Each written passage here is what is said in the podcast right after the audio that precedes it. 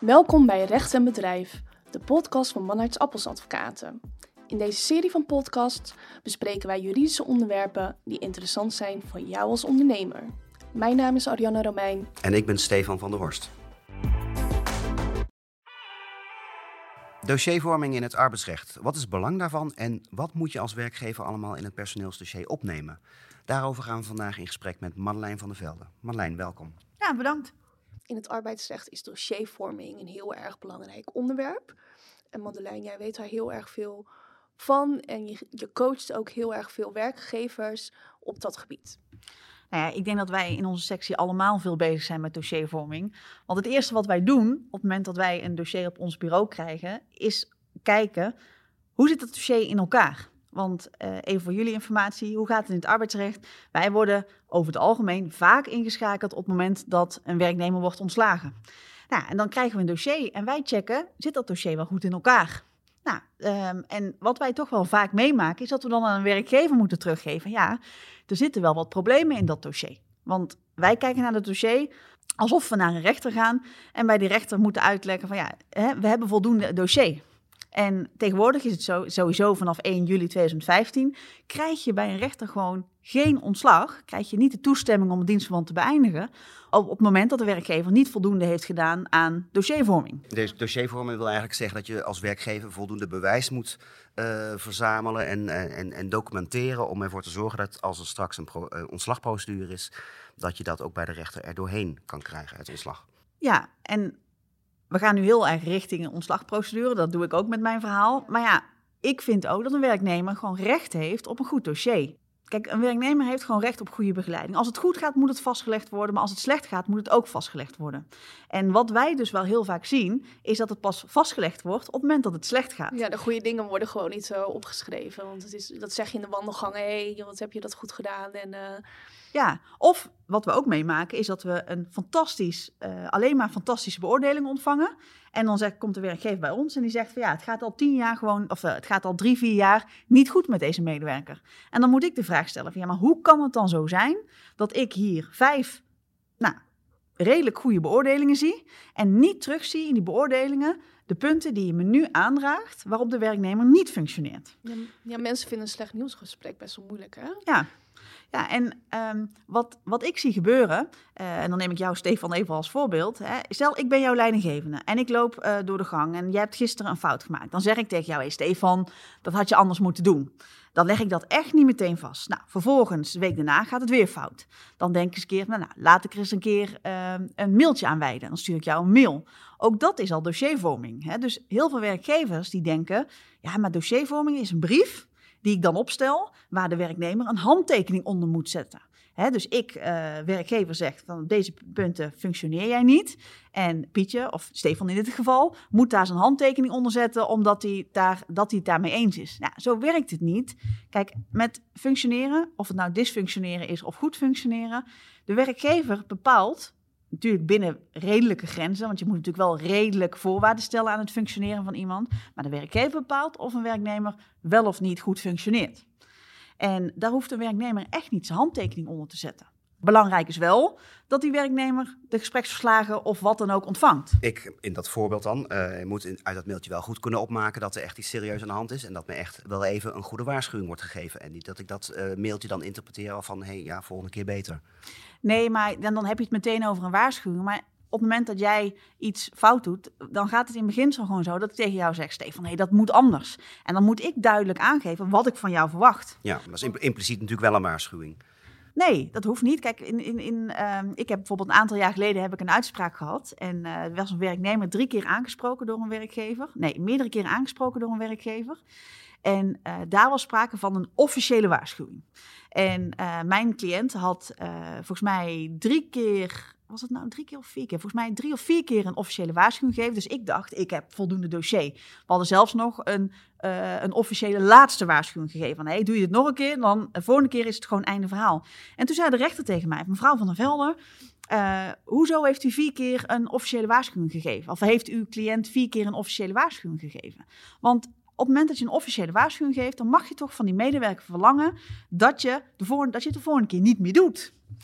Ehm, en dat vond ik dus wel heel bijzonder, want ja, ik denk altijd bij mezelf, van ja, werkgever, dek je nou in? Zorg nou dat je een heel stevig dossier hebt en pas dan zullen we naar een rechter gaan. Maar deze rechter maakte daar eigenlijk redelijk korte metten mee. Die zei ook tegen de werknemer van meneer, u werd toen gewezen op uw fout, dan had u dat de volgende keer gewoon niet meer moeten doen. Ja, dus als er uh, vijf keer wordt gewaarschuwd dan, uh, en, er, en er gebeurt vervolgens niets, dan heeft die waarschuwing eigenlijk helemaal geen kracht meer. Ja, nee, helemaal geen kracht meer ook niet. Maar dan zal een rechter eerder zeggen van ja, werkgever, u heeft uw werknemer er wel op gewezen. Maar ja, als u vijf, zes, zeven keer een waarschuwing geeft en u doet er niks mee. Ja, is het ook een beetje een uh, loze waarschuwing natuurlijk. Een waarschuwing zonder gevolg. Het is alleen maar, kan je zeggen, om dossier te vormen. Ja, maar er zit ook wel weer, ja. er zit ook wel weer, dan moet ik dan wel weer erbij geven. Er zit ook wel weer verschil in de handelwijze van de werknemer. Want je hebt dysfunctioneren, dus het niet kunnen. Uh, of niet goed doen. Maar je hebt ook wel eens verwijtbaar handelen. Hè? Dus uh, um, um, ik maak vaak het verschil van nou, dysfunctioneren. Um, iemand doet zijn werk gewoon echt niet goed. Of verwijtbaar handelen in de vorm van. Nou, bijvoorbeeld uh, ja, geweld in, in de arbeidsrelatie. Ja, dat klinkt meteen heel grof, maar dan om het, om het voorbeeld even te illustreren. Ja. Kijk, verwijtbaar, verwijtbaar handelen, daarvan zeg ik eigenlijk altijd tegen mijn cliënten van leg dat heel goed vast en zeg gewoon: dit gedrag wil ik niet meer zien. Daar past ook geen verbetertraject. Hè? Want tegenwoordig, onder het nieuwe uh, arbeidsrecht, of het is eigenlijk al niet nieuw meer, dat is eigenlijk al vanaf 1 juli 2015 met alle nieuwe regels, moet je echt zorgen voor een goed dossier. Maar op het moment dat er sprake is van verwijtbaar handelen, dan mag je van een werknemer verlangen: dit doe je niet meer. Nee, het is, het is gewoon klaar. Het is Bij klaar. functioneren kan je nog van iemand verwachten dat het natuurlijk uh, verbetert, dat hij meer zijn best gaat doen. Maar als je echt gewoon iets doet wat niet door de beugel kan, ja, gewoon nooit meer doen, klaar. Nou, en wat ik dus wel heel veel zie, is dat werkgevers of uh, verwijtbaar handelen zien. Dus echt gewoon fout handelen, bijvoorbeeld agressief naar mensen of wat Ja. dan ook. Ja, ik vind dat echt uh, niet kunnen. Dan zeg ik ook van nee, dit is gewoon echt een, een eigenlijk bijna een laatste officiële waarschuwing. Dit gedrag wil ik niet meer zien. Doe je dat nog, dan is het einde verhaal. Maar ik zie dus werkgevers die daar een verbeterd traject op zetten. Dan denk ik bij mezelf van ja, hoezo? Dat is gewoon gedrag wat in het normale gangbare circuit gewoon niet kan. Nou, daar moet je ze op aanspreken. Nou, bij dysfunctioneren, dus iemand kan het niet of vindt het moeilijk, dan heb je als werkgever gewoon de verantwoordelijkheid om die werknemer te begeleiden. Maar doe dat dan ook en leg dat vast en um, koppel daar ook een termijn aan. Ja, want je wil natuurlijk dat je werknemer gewoon zijn werk goed gaat doen. Het is ook jouw taak als werkgever van, joh, ik ga jou helpen, dat het beter gaat. Je kan niet iemand zomaar uh, in het diepe gooien en uh, joh, het zal allemaal wel, toch? Nee, dat is ook het belang van, je werkge Ja. van de werkgever. Ja, precies. Ja, maar dat is natuurlijk ook, uh, dat ben ik helemaal met je eens. Maar dat is natuurlijk ook wel heel vaak een beetje naïef gedacht. Want wat ik wel heel vaak hoor, als bijvoorbeeld werknemers zich bij mij melden en zeggen van ja, ze starten nou een verbetertraject met mij. Dan zeggen ze van ja, maar dit is, het einde, dit, dit is het begin van het einde. En dan zeg ik ook wel heel vaak van nou, ik heb toch al wel regelmatig gezien dat het ook een kans is. En pak het nou als een kans. Want als jij nu zegt, ja, uh, ik word aangesproken op mijn dysfunctioneren en, en uh, ja, ik ben het er niet mee eens, ja, oké, dan moet je daar wel op reageren. Maar aan de andere kant, pak ook gewoon die kans om te verbeteren. Maar een verbetertraject, het klinkt alsof er uh, gelijk cursussen moeten worden gegeven van uh, daar kan je nog aan werken. Maar iemand bijvoorbeeld uh, die niet hard genoeg werkt of die de kantjes ervan afloopt, hoe, hoe, hoe, hoe doe je dat met een verbetertraject? Nou, wat eigenlijk het belangrijkste is, is dat, want dat zei ik net ook al hè, tegen je, leg het goed vast. En, en leg ook gewoon goed vast wat je van die medewerker ver, verlangt. Want ik kan inderdaad zeggen, ik wil niet meer dat het je de kantjes eraf loopt. Ja, uh, dat is wel heel vaag. Ja, dat is heel vaag. Ja, wat is de kantjes eraf lopen? Ik vind het goed, zeg ik dan als werknemer bijvoorbeeld. Ja. Nee, precies. En daarom is het dus wel belangrijk dat die medewerker gewoon exact weet waar die aan moet voldoen. Dus leg dat heel duidelijk vast in expliciet, expliciete doelen. Nou, dat is één. Leg dat vast. Je hoeft daar dus niet de handtekening van de medewerker onder, want Nee. jij bepaalt als werkgever. Zorg wel dat de werknemer dat um, ontvangt. Hè? Dus stuur het per mail of wat dan ook. Maar zorg wel dat de medewerker dat ontvangt. Dat is Ja, één. en, en bewaar het dan ook hè, als werkgever. Ja, sowieso. Maar, de dat, mapjes bewaren en zo. ja, maar daarvoor hebben heel veel werkgevers tegenwoordig gewoon een systeem. Ja, precies. Eh, wordt het gewoon opgeslagen en die we- medewerkers kunnen dat ook gewoon digitaal inzien. Nou, de volgende stap is dat je het, het proces goed moet bewaken. Hè, van dit, dit verwacht ik van jou en ik ga bijvoorbeeld iedere twee weken met jou een gesprek uh, om jou te coachen en om hierover te spreken. En dan hebben we iedere twee weken een evaluatiegesprek. Dat is één route. En dan moet je dan ook weer opschrijven wat er wordt gezegd tijdens dat evaluatiegesprek. Ja. Ja, maar ja, dat kun je allemaal in hele uitgebreide gespreksverslagen doen. Maar je kunt het ook gewoon in een mail doen. Hè? Van Ja. hé, hey, ik heb al, we hebben elkaar vandaag gesproken, dit en dit hebben we besproken. eh, en we spreken Ja. elkaar dan weer. ja, tot de volgende keer. Dan hebben we het weer over eh, of je er wat aan hebt gedaan. Of Ja, en, en, en dit is dan wat de werkgever doet. Dus het, eigenlijk het begeleidingstraject door de werkgever. Maar je kunt natuurlijk ook eh, kijken van wat die werknemer nodig heeft. Wa- waar ik altijd wel van gecharmeerd ben, is dat ik in, zo'n, in het begin van zo'n begeleidingstraject ook aan de werknemer aangeef, als ik de werkgever bijsta, van wat heb jij nodig? Dat je ook de werknemer eigenaar maakt van zijn eigen traject. En niet dat je alles oplegt, want dan voelt iemand zich sowieso natuurlijk vervelend benaderd. Maar dat je ook gewoon zegt, wat heb jij nodig? Nou, en, Ja, heb je ehm, een coach nodig? Of, ja. ja. ja, en, precies. en als de werknemer daar zelf weinig initiatief in neemt, dan kun je natuurlijk zelf ook ins- inschatten van, ah, is een coach hier passend of is een opleiding hier passend? Wat kan ik als werkgever extra doen? Kijk, je kunt als werkgever gewoon niet achteroverleunen. Je moet echt proactief daarop inzetten. En leg dat dus steeds vast. Ja, en dan, ehm, eh, dat is ook wel wat ik net zei, van zorg dat je er een termijn aan koppelt. En ik krijg altijd de vraag, Madeleine, hoe lang moet zo'n verbetertraject nou eigenlijk duren? ja, een half jaar of zo? Ja, maar het kan ook korter zijn. Het Ja. ligt er ook aan. Ik, ik kan nooit zwart-wit aangeven wat nou de lengte is van zo'n verbetertraject. Ehm, stel nou, het is iets wat op korte termijn bereikt kan worden, dan zou ik kunnen zeggen, nou, het is drie maanden. Maar bijvoorbeeld iemand die al 25 jaar in dienst is, die een moeilijke arbeidsmarktpositie heeft eh, als die zijn baan verliest, ehm, ja, dan zou ik zeggen van hoe lang heeft die persoon nodig? Hoe lang hebben jullie dit al laten liggen? Dan zou misschien zes maanden meer passen. Ja, dus drie maanden wel heel erg kort. Precies. Ja, dus het is echt per geval moet je gewoon kijken van wat zou ik doen. Ja, en wat ik ook wel zie, ehm, als mensen onwenselijk gedrag laten zien, dan kunnen ze vaak wel drie maanden of twee, tweeënhalve maand wel vol, het, het, het gewenste gedrag wel volhouden. Maar zes maanden wordt al moeilijker.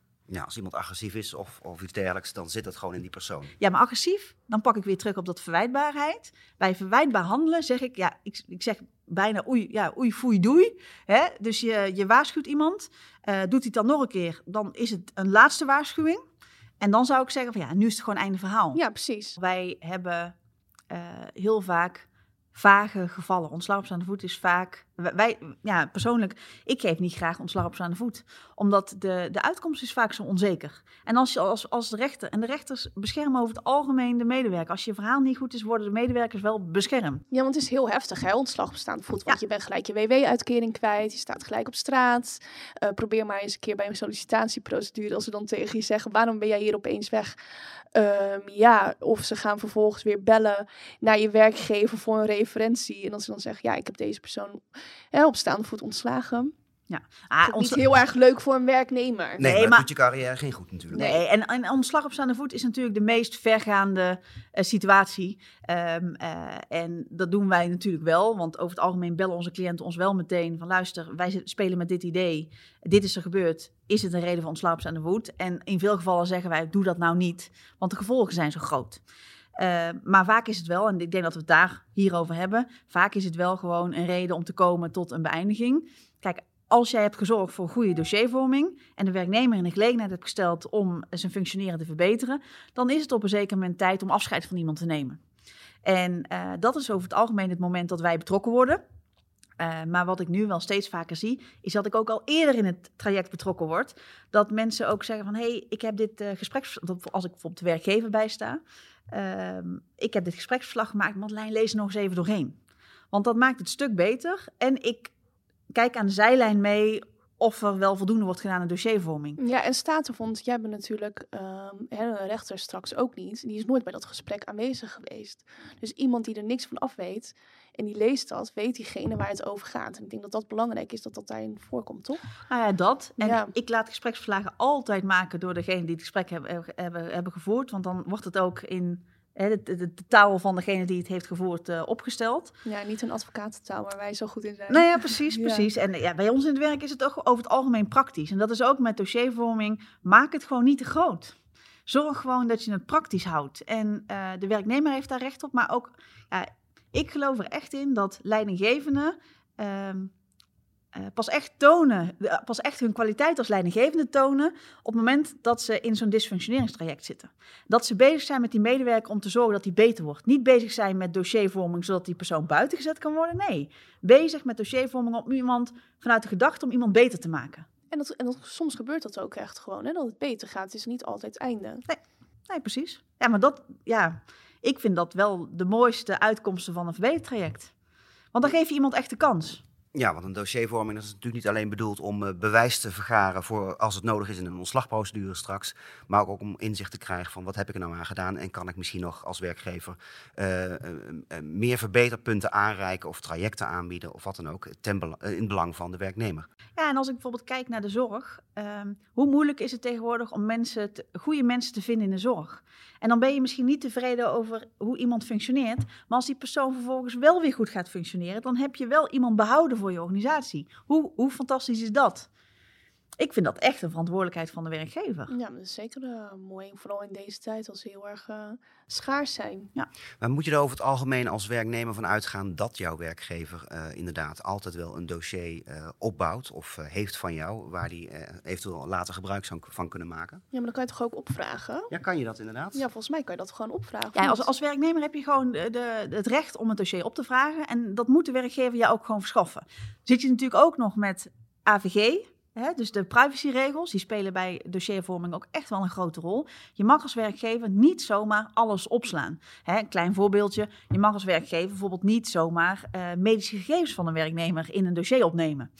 Ehm, wat ik nog vaak meemaak, en dan gaan we echt een beetje richting ziekte, is dat een werkgever in een gesprek met een, met een zieke werknemer vraagt ja, maar wat is nou eigenlijk aan de hand? Dat mag je dus gewoon niet vragen. Net zoals dat je ook in een sollicitatieproces, ga ik een beetje van de hak op de tak, maar ook in een sollicitatiegesprek mag je niet zomaar Nee. alles aan de medewerker vragen.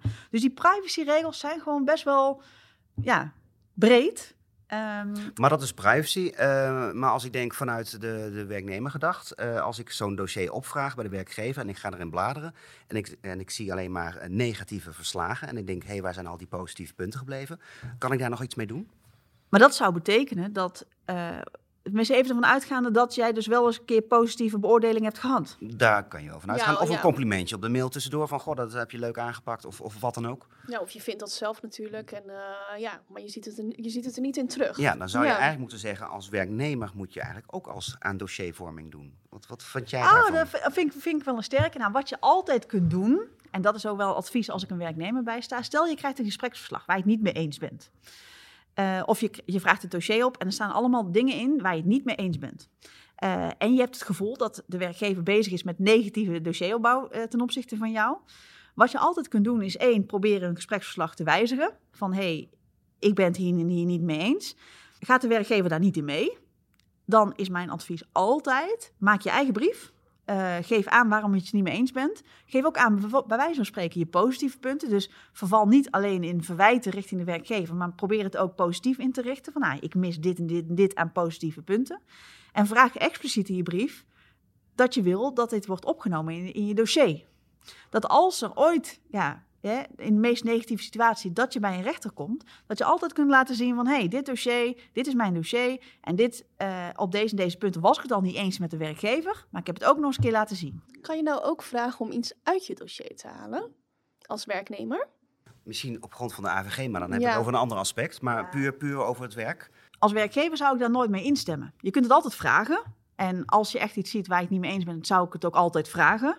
Alleen een werkgever kan heel makkelijk zeggen: van, ja, daar stemmen we niet mee in. Want in principe bepaalt de werkgever wat er in het dossier zit. Ja, en die bepaalt natuurlijk ook of jij functioneert of niet. Ja. En je kunt heel veel werknemers, eh, ik krijg vaak werknemers die zeggen van ik ben het hier en hier in het verbetertraject niet mee eens, want ik functioneer toch zo goed. Ja, de werkgever bepaalt. De werkgever is, en dat moet natuurlijk wel binnen redelijke grenzen blijven, daarom ook de, de voorwaarde werkgever zorg nou dat je heel duidelijk vastlegt wat je van die werknemer verwacht. Dus heel duidelijk de doelen en dergelijke. Maar de werkgever bepaalt hier wel in. En als je als werknemer te veel je hak in het zand zet, ja, heel vervelend. Maar dan zal een rechter op een bepaald moment, als je daar al terecht komt, maar dan zal de rechter zeggen van ja, Pietje. al- Pas jij hier nog wel in deze organisatie? En als, Ja, jij niet, als jij je niet conformeert of als jij niet, je niet inzet voor het verbetertraject wat de werkgever voor jou heeft ingezet, moet je je dan niet afvragen of je niet elders moet gaan kijken. En dat, een rechter zegt dat ook wel eens een keer, echt Zeker. tijdens een zitting. De zittingen tijdens het, in het arbeidsrecht zijn over het algemeen heel praktisch. Ja. Eh, rechters zullen echt vragen stellen. Ik heb wel eens meegemaakt dat de rechter zei van... ja, mevrouw Van der Velde en andere advocaat... ik wil jullie niet horen. Ik wil de advocaten niet horen. Ik wil weten wat er gebeurd is. Nou, en dan wil ik dus de mensen die daarbij betrokken zijn geweest... die wil ik horen. ja, en ik wil weten of jullie samen, hè, als deze zitting is afgelopen, nog eh, op kantoor zitten. Want Ja. daar zit niemand bij. Er zitten de advocaten niet bij, er zitten de rechter niet bij. Die mensen moeten het dan gewoon zelf ja, doen. kunnen Ja. jullie samen nog wel door één deur gaan straks? Ja, precies. En als je dan een grote organisatie hebt... dan zal een, dan zal een rechter sneller zeggen van... ja, beste organisatie... maar hebben jullie ook nog gekeken over de schutting... bij een andere organisatieonderdeel? Ja. Maar als jij maar met z'n tien op kantoor zit, ja, dan is dat natuurlijk geen Nee. eh, optie. Nee, maar dat zegt een rechter dan ook wel heel vaak van, ja, meneer, mevrouw, u houdt nu wel heel erg vast aan, uw aan uw dienstverband, maar is, die, is dat nog wel houdbaar? Moet je in geval van ziekte van de werknemer ook eh, als werkgever denken aan dossiervorming? Of, en wat mag je daar dan allemaal in opnemen? Nou, wat ik net al zei, hè, je mag als werkgever geen medische gegevens ehm, eh, verzamelen of eh, opslaan, maar dat is allemaal privacy. Maar wat wel belangrijk is, en UWV geeft daar eigenlijk een heel handig draaiboek voor, is dat je eh, op hele vaste momenten tijdens die nou, twee jaar ziekte, hè, want in principe kennen we in Nederland eh, de twee jaar eh, eh, ziektetermijn.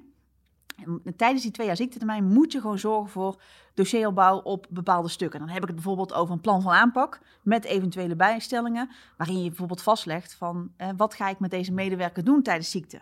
Nou, zo moet je na, ehm, eh, na een jaar moet je een eerstejaarsevaluatie maken. Aan het einde van die twee jaar ziekte moet je ook een e- eindevaluatie eh, opstellen. Nou, dat zijn allemaal stukken die je verplicht op hele specifieke momenten moet opstellen. Is allemaal geen hogere wiskunde, is allemaal niet zo moeilijk. Alleen zorg dat je dat lijstje in de, eh, in de houdt. En dat je daar wel als werkgever goed mee bezig bent. Want doe je het te laat, misschien ook wel belangrijk om even te vermelden. Doe je het niet of doe je het te laat, ja, dan heb je gewoon het probleem dat je eh, een loonsanctie krijgt. Dus dat betekent dat je nog een jaar extra het loon door moet betalen van die medewerker. Ja, dat is gewoon zonde. Want je bent al een jaar of twee jaar bezig met die medewerker om, om die persoon te begeleiden in zijn, eh, in zijn ziektetraject of in reïntegratie. Als je de werknemer niet goed begeleidt, kan dat gewoon gevolgen hebben. Ja, en wat moet je daar dan allemaal in opnemen? Het integratietraject zelf, maar ook van hoe heb je de werknemer daarbij betrokken, bij het opstellen daarvan? Eh, hoe heb je daar in, in praktijk die werknemer be- begeleid? Ja, Ja. komt de bedrijfsarts toch ook om de hoek kijken? Nou, je moet sowieso als werkgever moet je een bedrijfsarts inschakelen, want die is dan eh, verantwoordelijk voor de ziektebegeleiding en vooral de medische ziektebegeleiding. Eh, en op basis van de adviezen van de bedrijfsarts ga je vervolgens kijken wat de mogelijkheden van reïntegratie of iets dergelijks zijn. Nou, en dat moet je vastleggen, maar UWV eh, geeft bijvoorbeeld ten aanzien van plan van aanpak, maar ook de eerste jaarevaluatie en de probleemanalyse, geeft UWV vaste stukken, dus gewoon formats, die je als werkgever moet invullen. Nou, en bijvoorbeeld een hele belangrijke, die werkgevers nog wel eens vergeten, is dat je eigenlijk, stel nou dat de werknemer niet kan reïntegreren, dan moet je na een jaar ongeveer tweede spoor starten. Ja, doe je dat niet en start je dat te laat of helemaal niet, ook dat kan gewoon leiden tot die loonsanctie van een jaar. Want wat is precies eh, tweede spoor? Tweede spoor is, kijk, in beginsel ehm, moet je een werknemer die ziek is begeleiden naar het, terug naar het eigen werk. Eh, maar bij het tweede spoor is het zo dat stel nou dat een werknemer niet kan reïntegreren in het eigen werk, dus niet terug kan keren bij de werkgever zelf, dan moet je kijken wat de mogelijkheden mogelijk wel zijn. Kijk, soms heb je mensen die zo ziek zijn, die kunnen niks. Maar de bedrijfsarts zal wel aangeven, dit en dit kan die werknemer wel. Misschien een andere functie, daar heb je Misschien een andere functie, maar dan ook eventueel binnen het eigen bedrijf. Binnen het eigen bedrijf. Dan is het nog reïntegratie binnen het eigen bedrijf. Maar het tweede spoor is ook gewoon reïntegratie in ander werk, eventueel bij een andere werkgever. En dat moet dus allemaal in je dossier staan. Ja, dus dat, dat, dat, moet, je allemaal, dat moet je allemaal vastleggen. Ehm, wat ik nog wel regelmatig meemaak, is dat een bedrijfsarts onvoldoende vastlegt wat de mogelijkheden van een medewerker zijn, van een zieke medewerker zijn. Maar kan je dan als werkgever de bedrijfsarts bellen en zeggen van... joh, wil je dit er nog even in opnemen? Jij be- bepaalt als werkgever niet wat de bedrijfsarts opneemt in zijn analyses, in zijn rapportages. Maar wat mijn advies wel altijd is, stel nou dat de bedrijfsarts te weinig zegt over de mogelijkheden. Jij denkt, hé, hey, deze medewerker heeft mogelijk wel mogelijkheden. Is mijn advies altijd, zorg nou dat je die bedrijfsarts belt en vraagt, wat kan deze medewerker nu wel? Ja, Waar kan ik hem bij helpen eh, wat betreft reïntegratie? En dat hoeft niet in het eigen werk te zijn. Maar als werkgever ben je ook verantwoordelijk voor het handelen van de bedrijfsarts. Dus als de bedrijfsarts niet goed handelt en je hebt daar als werkgever niet goed op, op doorgevraagd of op, op geacteerd, kan dat ook nog eens een keer leiden tot een loonsanctie. Gaat best ver. Ja, gaat zeker ver. Dus je bent ook echt gebaat bij een goede bedrijfsarts. En heb je daar twijfels over? Ja, dan is mijn advies om dat één bespreekbaar te maken met de bedrijfsarts. Maar twee, eventueel op zoek te gaan naar een andere bedrijfsarts. Je kan ook gelijk op zoek gaan naar een goede advocaat. En dan hebben we volgens mij Marlijn van, van der Velde. En als je, als je nou een, eh, een dossier hebt wat gewoon niet heel erg compleet is, durf jij dan als advocaat naar de rechter of zeg je dan tegen een werkne- eh, werkgever, joh, even wachten, ga nog even het een en ander doen, zodat we wel voldoende dossier hebben? Of dat is ook per geval anders? Ja, dat, dat is per, per geval anders. Kijk, vanaf 1 juli 2015 heb je redelijke gronden op basis waarvan je een werknemer kan ontslaan. Dus moet je naar de rechter en dan vraag je de rechter om ontbinding. Ja, dat zijn toch die eh, A tot en met, wat is het, I-gronden? Nee, ja, dat was dus A tot en met H. Ja, En eh, da- dan moest je echt gewoon een voldragen grond hebben. Dus echt iedere grond expliciet voldragen, wilde je een beëindiging kunnen krijgen bij een rechter. Nou, vanaf vorig jaar is daar de I-grond bijgekomen. En dat is de cumulatiegrond. ja. Dus stel nou, je hebt eh, dysfunctioneren, maar niet een heel stevig dossier. Maar je hebt ook versto- eh, verstoorde arbeidsrelatie, maar ook niet, hè, bijvoorbeeld geen mediation gedaan of wat dan ook. Maar we hebben het idee dat het samen wel een voldragen cumulatiegrond is. Dan gaan we naar de rechter. Ja. ja. Maar als ik eerder, kijk, eh, als we het gesprek al hebben gehad met de medewerker van hé, hey, het is einde verhaal, dan is er voor mij, dan is de vraag of je dan nog iets kunt doen als advocaat. Maar ik maak wel vaak mee dat mensen, dat werkgevers bij mij komen en zeggen van ja, we denken dat we een dossier hebben, maar check het nog even. En als ik dan inderdaad denk van ja, die cumulatiegrond, ik weet niet of ik het wel red. Of als ik denk, ja, een voldragen grond is in deze kwestie toch wel eh, krachtiger. Dan kan ik nog best zeggen van ja, geef hem in ieder geval nog een maand. ja. En wat mijn advies altijd is bij dossieropbouw, zorg dat je ook een laatste officiële waarschuwing geeft. Zeg ook gewoon in een laatste gesprek van luister Pietje, wij hebben eh, nu de afgelopen maanden steeds met elkaar gesproken. We zien te weinig verbetering op de doelen die wij voor jou gesteld hebben. Je krijgt nog eenmaal de kans. En, eh, maar dan is het ook echt einde verhaal. En, en, en, en, en wat ik dan ook nog wel regelmatig doe, is dat ik, dat ik dan opneem in de brieven van ja, werknemer, we geven je nog één kans. Maar de vraag is of jij nog gemotiveerd bent. Ben je nou niet gemotiveerd, wees daar dan ook eerlijk over. Dan kunnen we het misschien hebben over een beëindiging. Ja, maar een werkgever moet dus eigenlijk wel eerder in het traject al advies daarover inwinnen, hè, om dan jou als advocaat. Want je kan toch niet zeggen, als je een gesprek hebt, een exitgesprek, dat je tegen iemand zegt, ja, ik wil van jou af, hier heb jij een vaststellingsovereenkomst. En vervolgens gaat diegene daar niet mee akkoord en dan komen ze bij jou. Ja, dan is het dan toch wel een beetje raar om dan te zeggen, oh, ik heb niet echt een heel goed dossier, ik heb ook niet hele goede gronden, dus geef die ene nog maar even een maand. Dat- ja, dat is toch raar. Nou, dat kan dan niet. Dat kan dan eigenlijk niet Nee. meer, want dan, dan is de situatie al zo gebroeieerd, of de Ja. verhoudingen zijn al zo gebroeieerd, dat het eigenlijk niet meer kan. Nee, en dan ga je echt proberen van... eh, Precies, maar we hebben wel een vaste relatie met een aantal van onze klanten. Ja, Ja, die, weten mij wel te vinden. ja, maar die zijn- traject. Ja, maar die zijn al best wel ingevoerd in de dossiervorming. Die laten me even checken van, hé hey, Madeleine, hebben we al genoeg? Ja. Eh, maar ik maak het ook echt wel mee dat werkgevers zeggen van, ja, ik heb het gesprek al gevoerd.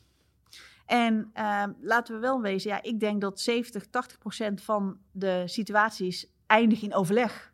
Dus eindigen met een, met een vaststellingsovereenkomst. Omdat de werknemer ook wel vaak zegt van, ja, wat moet ik nog bij een werkgever die mij niet meer wil? Dat wil je gewoon niet. Nee, maar dan, ja, maar ja soms Denk kan ik. het niet. Ja, maar je hebt ook wel bijvoorbeeld een zieke werknemer. Hè? Ja. Dat, dat is ook nog weer een, een moeilijke situatie. Want hè, als zieke werknemer mag je weer geen vaststellingsovereenkomst sluiten. Dus je moet, ja, iedere positie is anders. Iedere zaak is ook echt anders. Dus ik denk dat je, nou, ik denk dat het in, in beide gevallen, zoals je nou, of je nou werkgever bent of werknemer, ik denk dat het altijd goed is om heel even contact te hebben en heel even overleg te hebben. Met mij bijvoorbeeld. Ja, dank Marjolein. Eh dossiervorm niet alleen voor het belang van, van de werkgever, maar eigenlijk ook eh, in het belang van de werknemer op diverse punten. Dank Ja. voor het gesprek. Ja. Heb je opmerkingen, vragen of suggesties over de podcast? Dan kun je ons een mailtje sturen op podcast.mannersappels.nl. Nou, deze podcast is een serie. Er komen dus nog meer interessante podcasts aan. Abonneer je op ons kanaal als je notificatie wil ontvangen. Dank voor het luisteren en graag tot de volgende keer.